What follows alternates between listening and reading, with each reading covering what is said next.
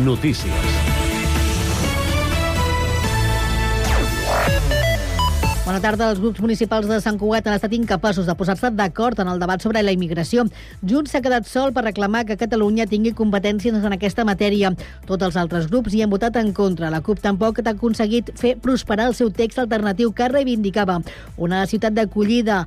Els anticapitalistes han aconseguit el suport d'Esquerra i d'en Comú Podem i l'abstenció del PSC, però la negativa de Junts, el PP i Vox ha decantat la balança. Poden ampliar aquesta informació del ple municipal d'aquest passat dilluns a www.cugat.cat. I l'equip de govern també s'ha quedat sol en l'operació per deixar el lloguer de Can Maristany i reubicar l'activitat del Centre d'Art Contemporani a altres espais, tot i que bona part de l'oposició comparteix que es tracta d'un lloguer molt alt, uns 5.500 euros al mes més les despeses de funcionament, adverteixen que recol·locar les exposicions i els cursos i tallers pot fer perillar el projecte. Per això, tots els grups municipals a l'oposició, tret del Partit Popular, s'hi han abstingut i han votat en contra al ple el desistiment del contracte d'arrendament del local que s'ha aprovat amb els vots de l'equip de govern. El terme minusvalidesa s'ha eliminat de les ordenances fiscals de Sant Cugat. Encara està present a l'ordenança número 2 de l'impost sobre vehicles de tracció mecànica, on després de l'aprovació del ple municipal aquest dilluns ha quedat substituït pel terme discapacitat. Aquesta modificació forma part d'un paquet de canvis tècnics diversos que afecten també les taxes per l'expedició de documents administratius, per serveis urbanístics i llicències i pel servei de clavegaram. Arran Sant Cugat critica el posicionament de Junts en el ple municipal de febrer celebrat aquest dilluns durant el debat sobre el conflicte a la franja de Gaza. Pel col·lectiu Junts, en majoria el govern novament ha decidit mirar cap a una altra banda i fer veure que el genocidi palestí és una guerra entre bàndols. És per això que Arran assenyala el partit que lidera l'alcalde Josep Maria Vallès de ser còmplices del genocidi d'Israel contra Palestina i ho ha sanificat amb una pintada a la paret principal de l'Ajuntament. En aquesta línia, Arran afegeix en un breu comunicat que l'Ajuntament està vetant que a les escoles es parli d'aquesta qüestió.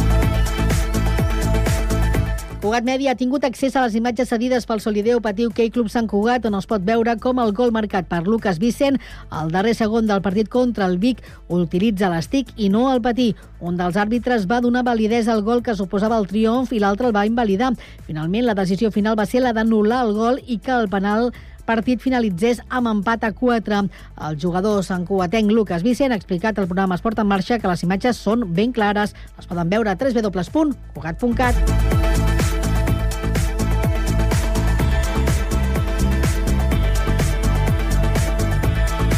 Cugat Mèdia, la informació de referència a Sant Cugat.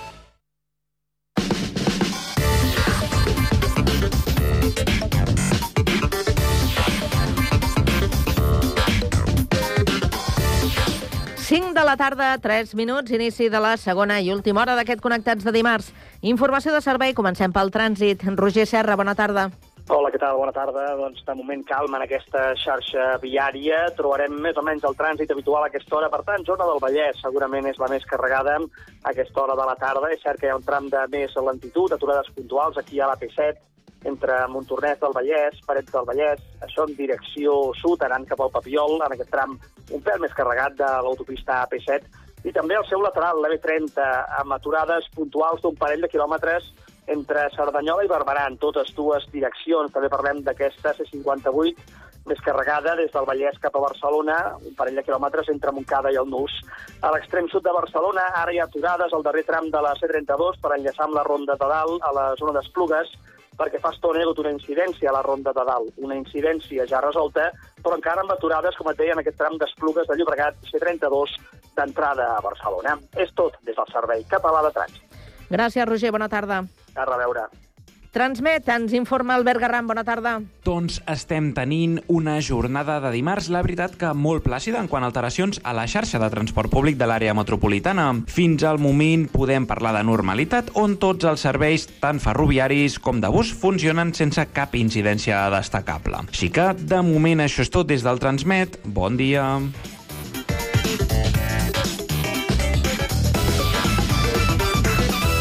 A la tarda, no et desconnectis. A la teva ràdio local, connectats. Can't touch this. Can't touch this.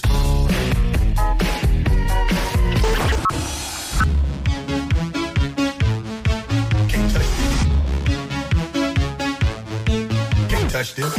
Connectats amb Carme Rebell.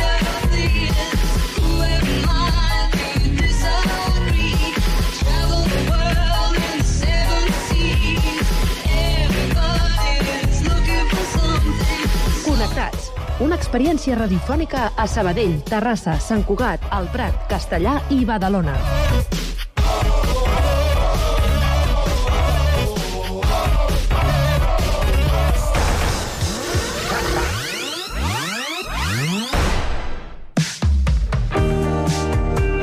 Veus locals.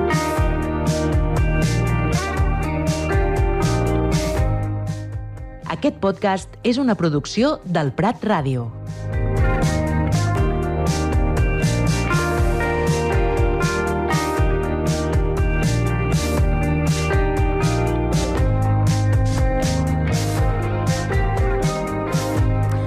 Qui no ha sentit mai allò de silenci a la sala?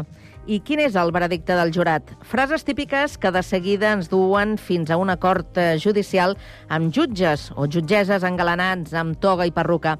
Però què hi ha de cert en tot això que veiem a les pel·lícules? Avui coneixem la funció judicial a través de la Rocío Ortega, jutgessa i professora de l'Escola Judicial, que repassa la seva feina en aquest podcast del Prat en Ràdio.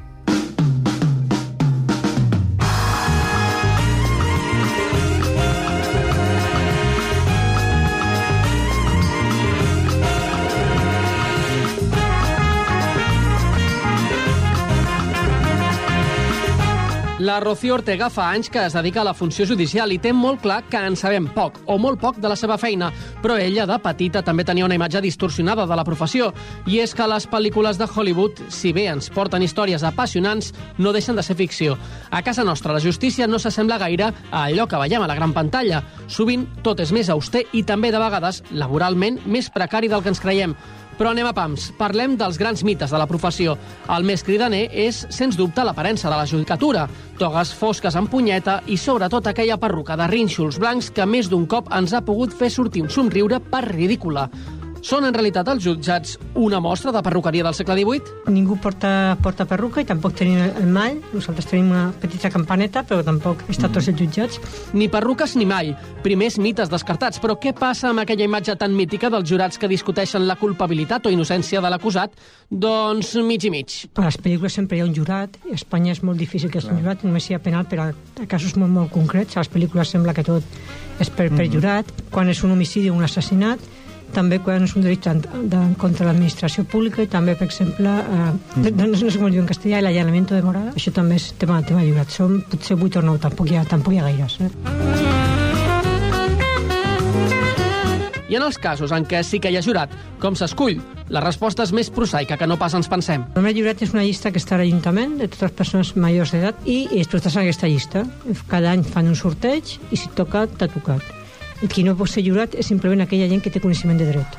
Un advocat no podia ser mai jurat. O sigui, ha de ser gent que no tingui coneixements de dret. O sigui, estàs a aquesta llista i t'escullen per sorteig i quan hi ha un judici del, jurat doncs van a aquesta llista que hi ha als ajuntaments i t'agafen. Bé, de moment, tot agafa un caire força menys glamurós del que hem vist sempre, però segur que d'emoció n'hi ha fins l'últim moment. Corredisses als passadissos, trucades d'última hora, investigacions fins a altes hores de la matinada, tot per trobar una prova que fa canviar el signe d'un judici. a les pel·lícules, eh, al mig del judici, les proves van, van, van apareixent, però d'alguna manera. Tu comences un judici i el que potser si dura cinc dies, el dia 3 et trobes el testimoni clau, ja s'ha crit que aquesta persona no era culpable, sinó que és innocent.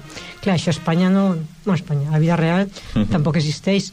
La prova està feta abans d'anar al judici. I introduir una prova enmig del judici és totalment fora de, de lloc. La gent com a judici ha de saber en quina prova es compta i en quina proves no.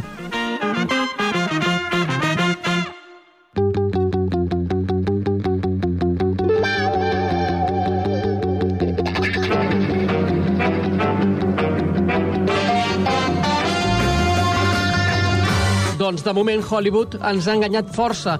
Què passa amb allò del públic a la sala reaccionant sonorament a cada nou testimoni? En principi es pot anar a qualsevol judici, tots són públics, llevat que el jutge hagi decidit per algun motiu que no és, que sigui a porta tancada, que generalment és quan hi ha un menor d'edat afectat o algun tema que afecta a persones amb una espècie de vulnera- vulnerabilitat.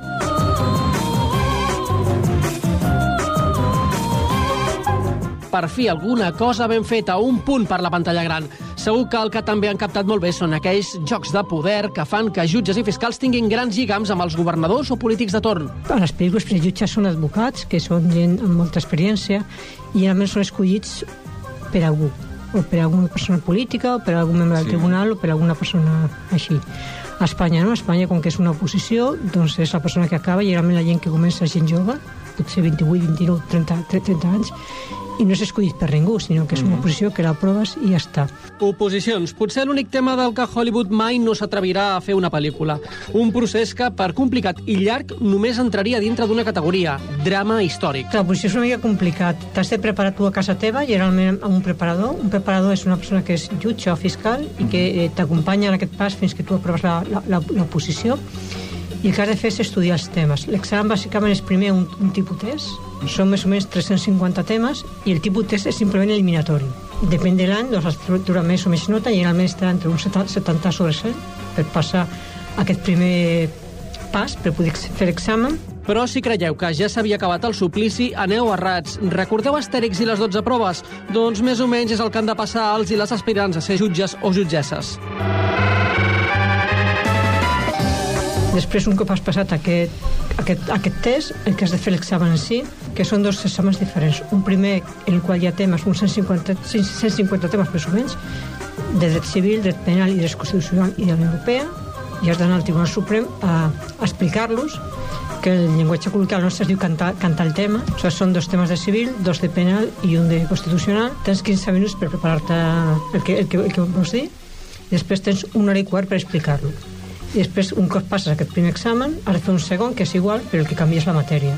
Són dos temes de processal civil, un de processal penal, un altre, em sembla que és de, de administratiu i un altre de, de, de, de social. El problema d'això és que és molt poc temps per explicar un tema i que hi ha molta gent que es presenta. Places, aquest any, per exemple, ha hagut em sembla que eren 180 places entre jutge i fiscal, perquè l'examen és el, és el mateix, i després eh, la gent que es presenta potser són 5.000 o 6.000. Aleshores, el problema és aprovar-ho. I realment la mitjana que hi ha són 5 anys per aprovar aquest examen. I això si només es vol entrar a la judicatura. Després hi ha persones que encara s'atreveixen a especialitzar-se. En principi el jutge pot tocar qualsevol tipus d'àmbit, però sí que és cert que hi ha especialitats. Hi ha especialitats a mercantil, a contenciós administratiu i a laboral. O sigui, si tu vols treballar aquesta mena de jutjats, has de fer un, un examen especial. Però el problema que hi ha és que hi ha poca gent que fa aquest examen i si no hi ha prou especialistes, qualsevol jutge pot anar a aquests jutges també.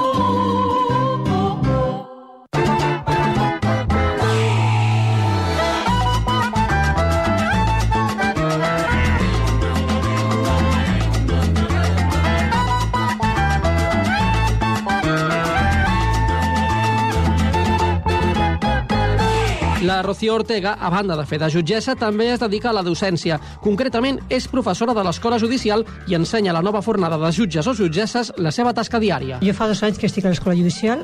L'Escola Judicial és el lloc on els, la gent que aprova l'oposició ha d'anar-hi per arribar a ser jutge.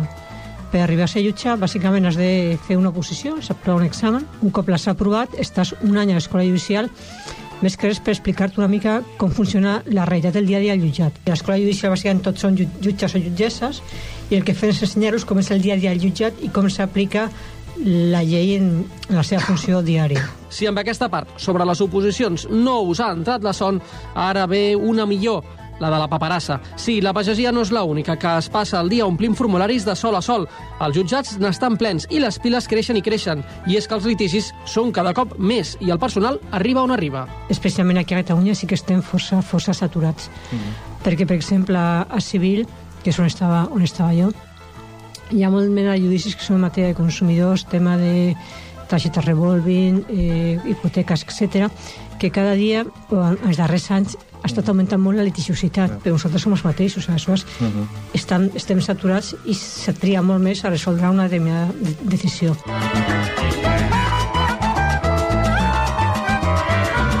Doncs nosaltres ho deixem aquí, no sense dir-vos que dijous teniu precisament una oportunitat per conèixer aquests i molts altres mites precisament de la mà de la Rocío Ortega, que serà present a la xerrada que organitza l'Associació d'Escriptors Pretencs Tinta Blava al Cèntric Espai Cultural a les 7 de la tarda. I no marxem sense dedicar aquesta cançó a la gent que li agrada la judicatura, però també la televisió.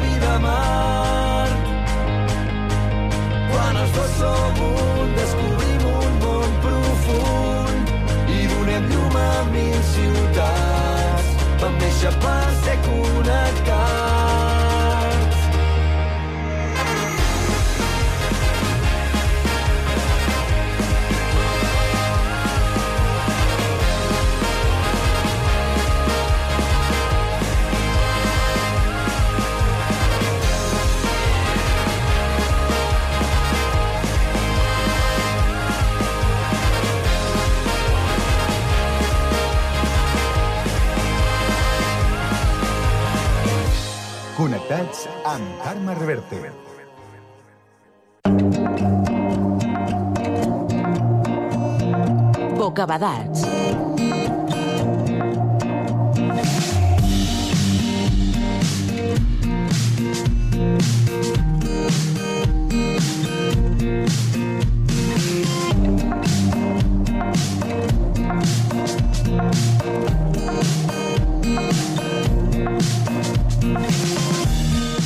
Projecte Vincles, que va engegar Òmnium Cultural, té com a objectiu generar espais per aprendre, parlar i compartir la llengua catalana.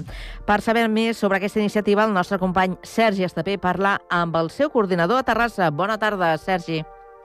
Bona tarda, doncs per saber una mica més d'aquest projecte eh, parlem amb el Manel Martí, que és el coordinador de vincles a, a Òmnium d'aquí de Terrassa. Manel, bona tarda.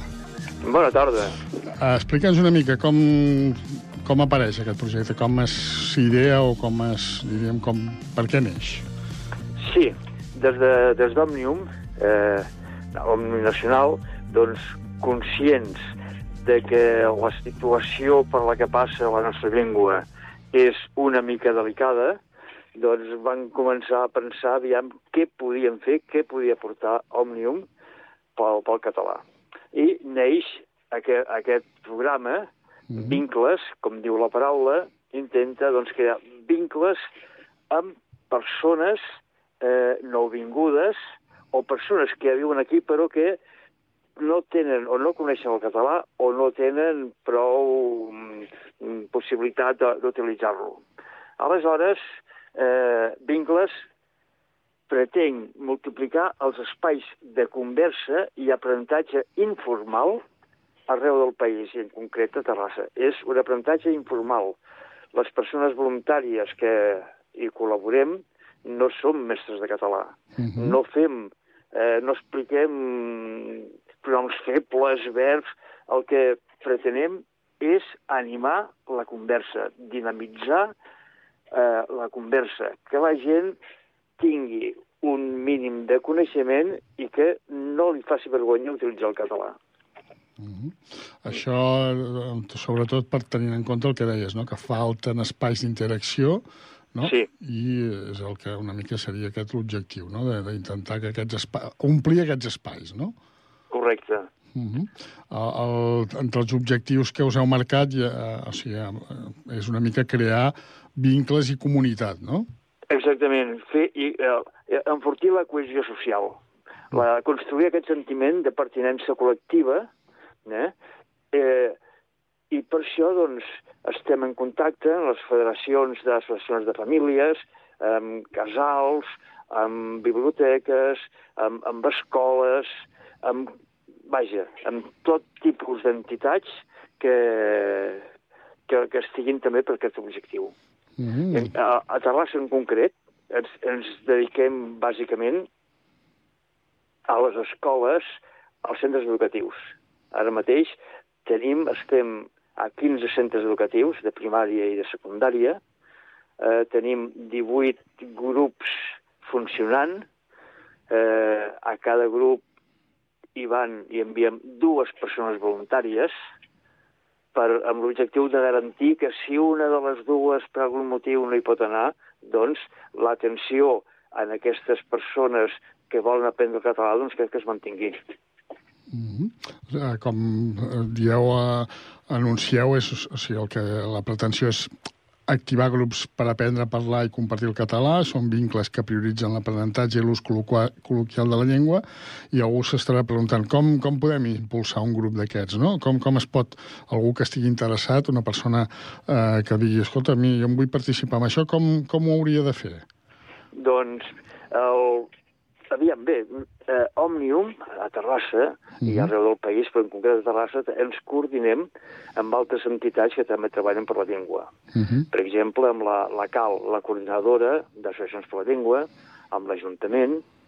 En el cas concret d'Òmnium, les persones que es vulguin mm, col·laborar, participar o demanar informació adreçant-se a Òmnium, doncs poden, de seguit, es posaran en contacte amb mi per tal de que puguem eh, trobar-nos, parlar-ne, perquè voluntàries, persones voluntàries sempre se necessiten. Eh? I eh, en, en, diríem que el, el potenciar aquest llenguatge col·loquial i pràctic, mm, pers- o sigui, com tu deies a l'inici, no sou persones que, que sou professors de català, sinó, més que res, una cosa col·loquial, no? És a dir, que perquè aquestes persones que són nouvingudes, que no tenen moltes vegades la, la, la, la possibilitat d'utilitzar el català, doncs que puguin fer-ho, no? Correcte, tu ho has dit. Potenciem el llenguatge col·loquial i pràctic. Eh? Eh, no el llenguatge formal. El llenguatge formal ja, ja es fa als, als, al Consorci per la Normalització Lingüística, hi ha cursos formals... Eh, eh, per cert, nosaltres també col·laborem i estem en contacte amb el Consorci que ens facilita material. Aleshores, ja dic, nosaltres pretenem, doncs, arribar en aquestes famílies que tenen o no tenen accés al català o ho tenen difícil, hi ha moltes escoles que hi ha moltes famílies nouvingudes. Eh, a l'escola la llengua eh, vehicular és el català, aleshores nosaltres donem faci aquesta facilitat, aquesta eh, disponibilitat perquè les, aquestes famílies, que nosaltres col·laborant amb els centres educatius, puguin accedir en aquells cursos informals per tenir un mínim de coneixement del català. Mm -hmm. I, per exemple, com a aprenents, qui, qui pot participar-hi? Qualsevol, en principi, en el, ara mateix a Terrassa, com que ens hem centrat en els centres educatius, pares i mares de centres educatius, on, normalment del, del centre educatiu al que, al que duen els seus fills. Mm -hmm. I els acompanyants eh, doncs, poden ser també gent vinculada, amb les, en aquest cas, amb l'escola? o com... Sí, sí, sí. Acompanyant qualsevol persona eh, que s'estimi el català, catalanoparlant, o que tingui un bon domini del català, que s'estimi la llengua, pot participar. Eh, ho posem fàcil. Mira, tal com he dit abans, hi van dues persones per eh, evitar que en, en la situació de, de que una de les dues no pugui anar al, al grup quedi penjat. Mm -hmm. Nosaltres, els voluntaris, el que els plantegem és el següent. El compromís que tenen és dedicar una hora, un dia a la setmana a un grup de conversa. Mm -hmm. Aleshores, eh, això, doncs, vaja, creiem que és, és, és un compromís fàcilment assumible i ja et dic, doncs, tenim una quarantena de, de persones voluntàries, algunes l'horari disponible no encaixa amb l'horari escolar, però doncs, en funció de les necessitats que detectem als centres, en funció dels voluntaris que tenim i de la disponibilitat horària, doncs estem fent una xarxa que, vaja, estem molt contents de com funciona. Mm -hmm. I llavors aquestes trobades, que, que més o menys què és el que diríem que es fa? No, Es- no sé si és, és una conversa informal o es, es treu un tema, com, com funciona això? Sí, això, doncs, eh, a partir de, de les necessitats comunicatives de la gent, eh, intentem esbrinar què els agradaria, què els interessaria, què necessiten, doncs a partir d'aquí eh, donar-los vocabulari eh, i per facilitar aquesta, aquesta interrelació. Algunes persones de, dels, de, dels voluntaris són persones del món educatiu, que estan jubilades i que ens, això ens ha anat molt bé perquè a part del material que ens facilita Òmnium i de la formació d'Òmnium Nacional, la, les persones que tenen experiència en el contacte amb, amb pares i mares, doncs també ens permet doncs, elaborar un material que ens és molt útil perquè tothom el tingui a l'abast i un material doncs, que, que sigui agradable i assequible per les persones, pels aprenents. Mm -hmm. Com deies, no, no és una cosa lectiva, no és una cosa acadèmica, però sí que si hi ha algú que, alguna persona d'aquestes que diu, ostres, jo vull aprofundir més, vull aprendre mm, el català, com deies, més normatiu, també els hi, els hi faciliteu, no? Els, els Llavors, en, aquestes, en aquesta ocasió, nosaltres, les persones, les adreçaríem al Consorci, Nacion- al Consorci per la Normalització Lingüística, al vapor universitari, eh, per tal que allà ja fan un ensenyament, reglat del català. Eh? Nosaltres ja, el que fem és ús col·loquial, ús pràctic, eh, est fer, establir blinca, vincles, generar una dinàmica de confiança i d'amistat, eh, possiblement fer alguna sortideta eh, per conèixer llocs emblemàtics de la nostra ciutat, visitar algun mercat, vaja, eh, crear una situació de confiança eh, i d'afecte. I, I, Manel, i com està funcionant? Com la gent... Ja, té, té ressò això en la gent? La gent s'interessa? Aviam, doncs mira, ja, com t'he dit, doncs ara mateix tenim 18 grups funcionant, Uh -huh. 18 grups funcionant. Eh, alguns, doncs, eh, n'estem molt contents, molt contents, i d'altres, ostres, tu, hi ha alguna cosa que no acaba de funcionar. Llavors, clar, estem analitzant el, el, els diferents grups, que, com, quina és la dinàmica que porten. Eh, fem enquestes a la gent, també, als, als, als aprenents, per veure, per intentar esbrinar les seves necessitats.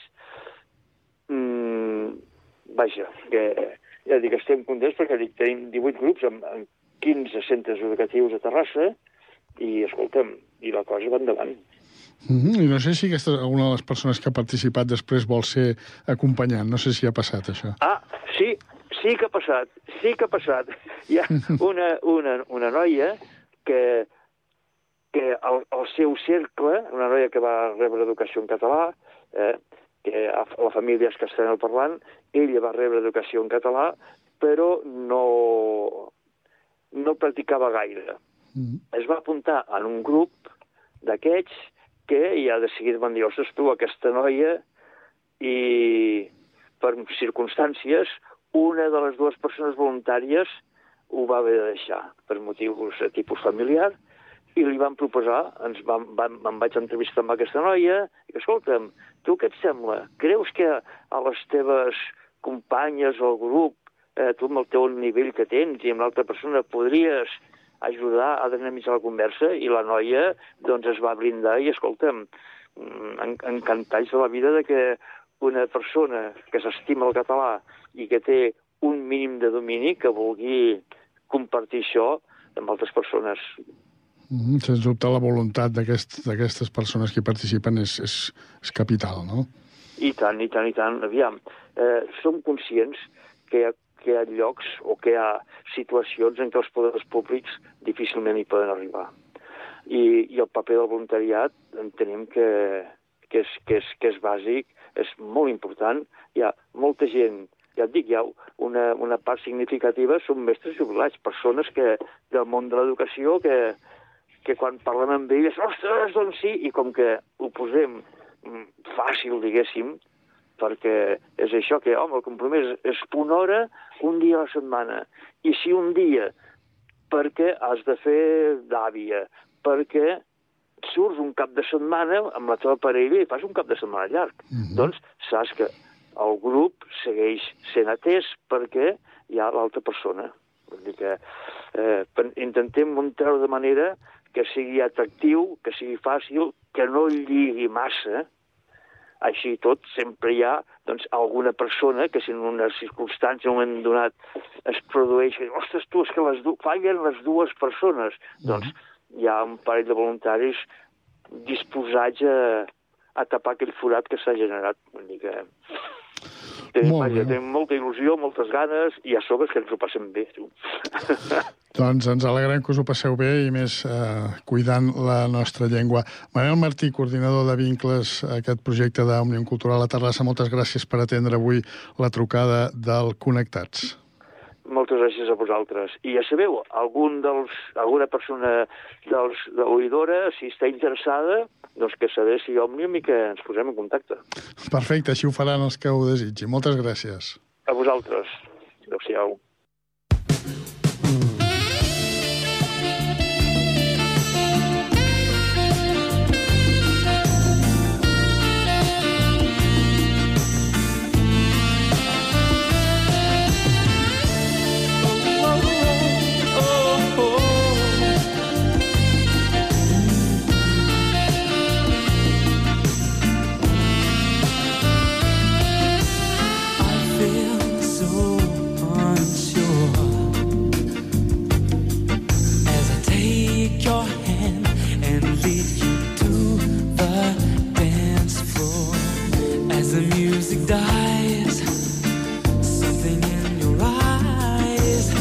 calls to mind a silver screen and all its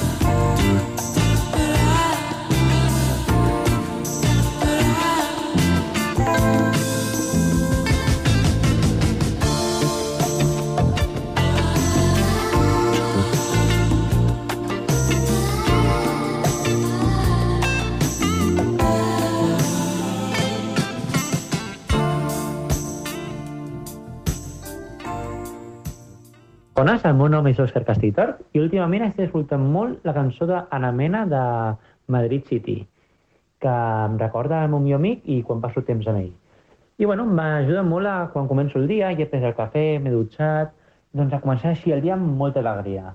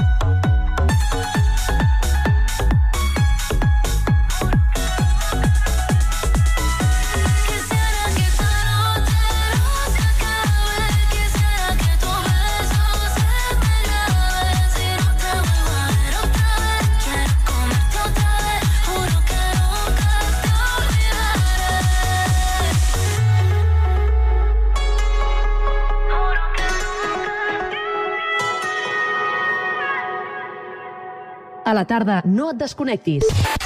A la teva ràdio local, connectats. Can't touch this. Can't touch this.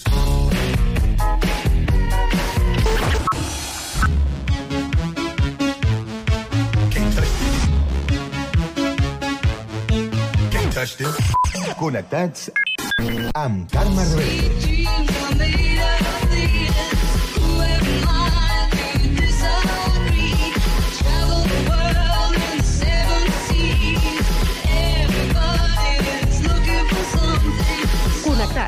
Una experiència radiofònica a Sabadell, Terrassa, Sant Cugat, El Prat, Castellà i Badalona.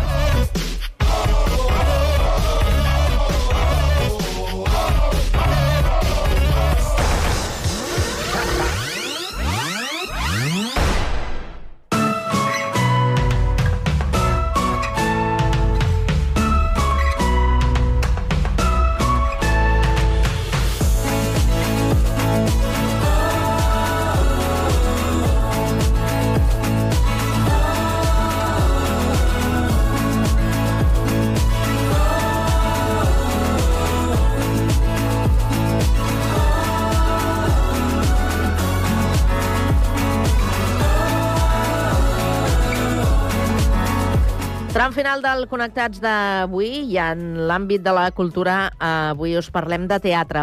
La sala de petit format de l'Ateneu de Castellà acull aquest diumenge 25 de febrer una estrena de la companyia La Frenètica. Des de Ràdio Castellà el nostre company Guillem Plans eh, parla amb una o amb dues de les membres que ens avançaran de què anirà. Guillem Plans, bona tarda. Bona tarda, Carme. Tenim amb nosaltres la companyia La Frenètica, que reivindica la figura de l'artista Camille Claudel, una escultora que lamenten que s'ha mantingut a l'ombra, però ara la voleu desterrar, pel que tinc entès. Marc Martí, Sara Marco, molt bona tarda. Hola, bona tarda, bona tarda. Abans que res, qui va ser? Qui va ser Camille Claudel? Camille Claudel va ser una dona del segle XIX que, que era una escultora. Era una escultora molt gran, de fet, i, i bueno, sempre es comenta que va estar a l'ombra no, de, del famós escultor Aur Rodin i fins i tot del seu germà, que també era escriptor, era Paul Claudel. I bueno, volem elevar una mica aquesta artista que, que, que ha estat oblidada i que no ha estat reconeguda ni en la seva època ni, ni, ni en l'actualitat, no? I ho portem tot des d'un punt molt contemporani, molt nostre, molt, molt, a- molt a partir de nosaltres també, no? de, de tres creadores, tres dones que també estan en un món artístic amb el que, amb el que també ens trobem amb problemes que ens, ens ressonen dels problemes que va tenir ella en, en, la seva, en, en el seu moment, no? Mm -hmm. O sigui, sempre se la va tractar com la germana de, l'amant de, l'amiga de, no? Sí, sí, bàsicament sí. O sigui, sí que és veritat que, que va tenir alguns moments de reconeixement, però va tenir molts de molta precarietat i de molt... Bueno, era com... Bueno, era l'artista... Era una dona com, com diferent, com una dona que no entrava dins dels cànons que, que s'establien en aquell moment com a, com a una dona, no? Era com... Bueno, era una artista viril, perquè era com que si tenies talent ja estaves com reconeguda com que hi havia alguna cosa masculina dins teu, no? Mm. I com arribeu a la seva figura? La seva figura arribem... Mira, arribem a través de la nostra companya que no està aquí, la, la Núria Oregona, perquè va tenir una professora de Història de l'Art que va decidir saltar-se el temari per poder parlar per primera vegada amb, amb aquells alumnes d'una dona artista, perquè el temari de, de batxillerat d'Història de l'Art està replet d'homes artistes, que al final el context és, és el que hi ha. I queden una mica, doncs això, queden molt a l'ombra aquestes dones artistes i aquesta professora va, va voler fer va voler fer aquest canvi i va voler parlar d'una dona escultora. I a través d'aquesta professora la, la Núria queda totalment enamorada d'aquesta dona perquè a part de tenir una, una història molt, molt, fins i tot morbosa i molt interessant però molt dolorosa, eh, té una tècnica espectacular i va ser una de les grans figures de, de l'escultura impressionista. I a partir d'aquí ens presenta aquesta dona, també la Sara i jo, per cadascuna per, per seva s'acaba enamorant també i decidim, vinga, hem de fer, hem de fer alguna cosa amb, aquesta, amb aquest personatge. Pel que tinc entesa, en el procés creatiu fins i tot heu anat a París per conèixer una mica més la seva figura. Sí, sí, sí, vam, vam decidir anar a París perquè estàvem com fent molta recerca sobre les seves cultures, sobre la seva història.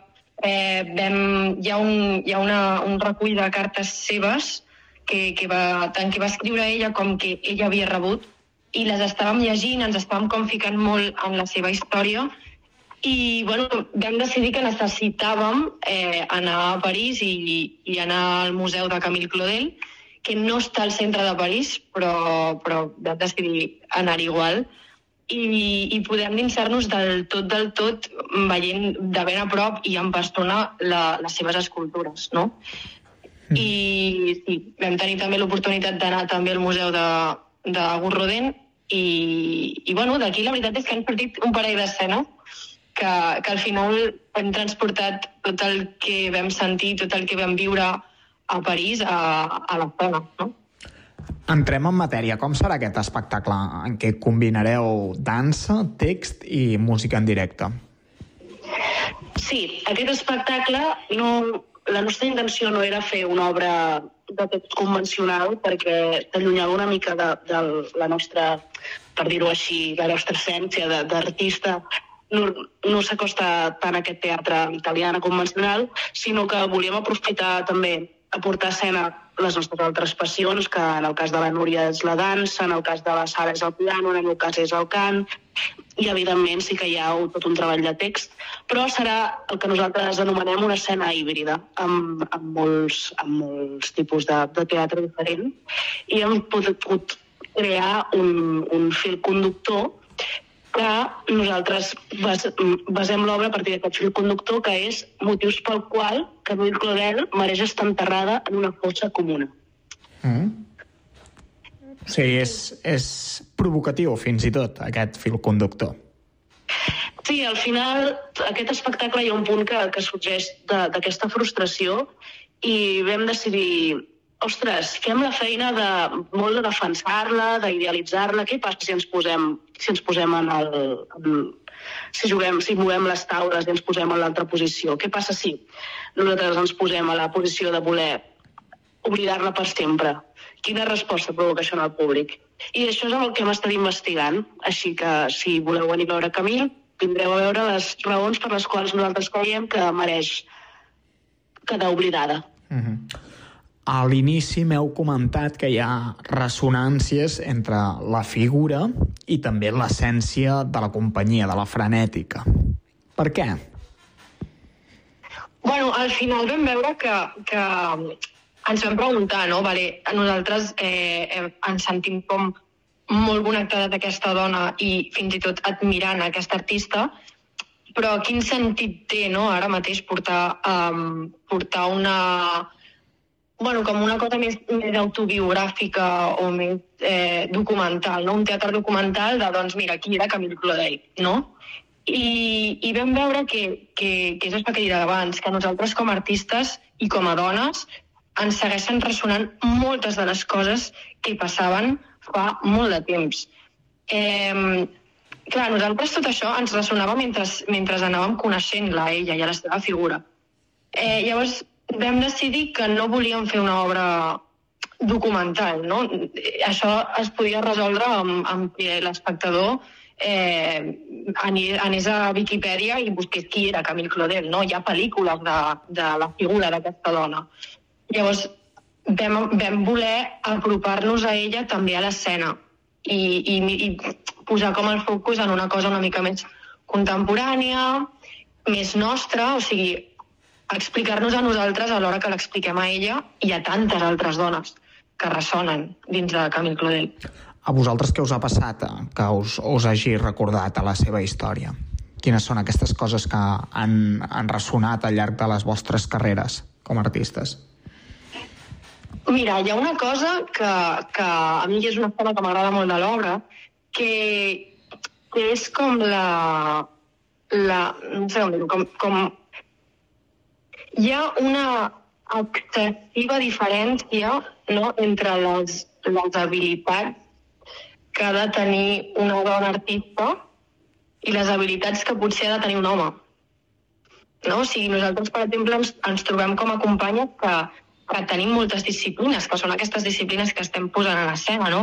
Que pot ser el cant, pot ser els instruments, la dansa, el teatre de text, no? I que al final potser companys nostres homes que, que simplement tenen teatre de text i són guapos i, i agraden, doncs ja ho tenen tot fet. No? I que nosaltres, a nivell de números, també som moltes més dones dins del sector eh, teatral, artístic, i, i, i que ens trobem que, que, no, que no està igualat, no està igualat. Mm. I aquesta és, és, és una d'en- d'entre moltes, eh? Vull dir que hi ha moltes més. Ja m'ho imagino. Qui sou la companyia? La Frenètica. La frenètica sí, som tres companyes que trobem, a, trobem al mateix lloc i, bueno, i individualment també anem fent cursos separats i trobem que treballem molt bé, ens entenem bastant bé, som també som properes a nivell personal i decidim que amb qui millor, que fer una companyia és molt difícil i amb qui millor que, que nosaltres que ens podem entendre bé. Mm. I quina és l'essència de, de la Frenètica? Doncs, aviam, frenètica surt una mica de, de frenesis, d'aquesta cosa que tenim les tres de, de voler, voler fer, voler fer i la busca d'aquest llenguatge que és una mica diferent al, al convencional, de mm, remoure el que ens remou i voler remoure l'espectador, buscar una mica la sàtira, buscar buscar l'essència que, de, de les coses. Surt d'aquest- d'aquesta aquesta cerca de llenguatge propi, per si puc resumir-ho. Mm. Doncs moltíssima merda a la Frenètica amb aquest homenatge que feu, que segur que, que val molt la pena anar a veure a la Clami Claudel. Moltíssimes gràcies. I, I res, recordar que estarem, que estrenem aquesta superpeça el diumenge 25 a les 6 de la tarda a la sala de petit format. Queda recordat. Moltíssimes gràcies a totes dues. Gràcies. I molt bona tarda. Gràcies, adeu.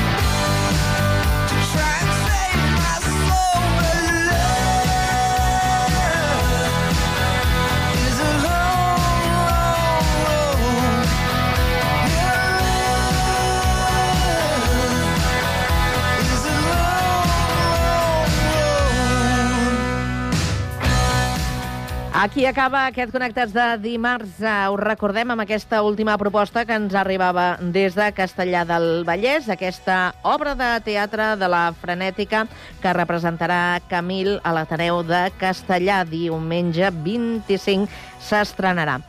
Gràcies a tots per haver-nos acompanyat un dia més. Demà serà dimecres i tornarem, com sempre, puntuals a la nostra cita amb vosaltres a partir de les 4 i 3 minuts. Fins aleshores, acabeu de gaudir de la tarda. Adéu-siau.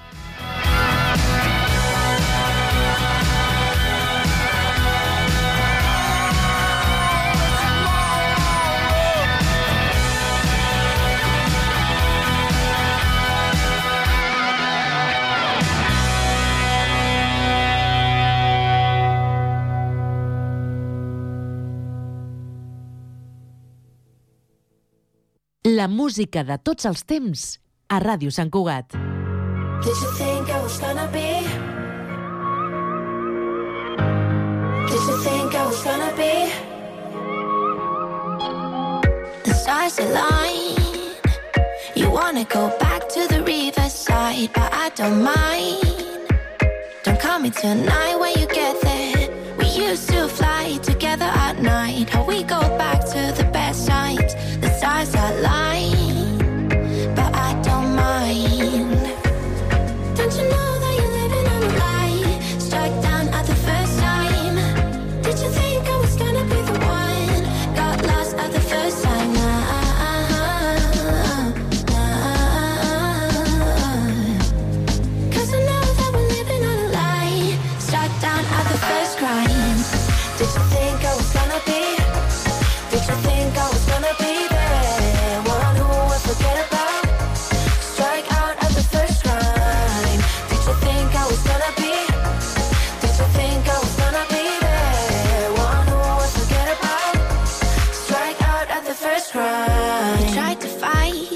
say Don't wanna fight for us no more.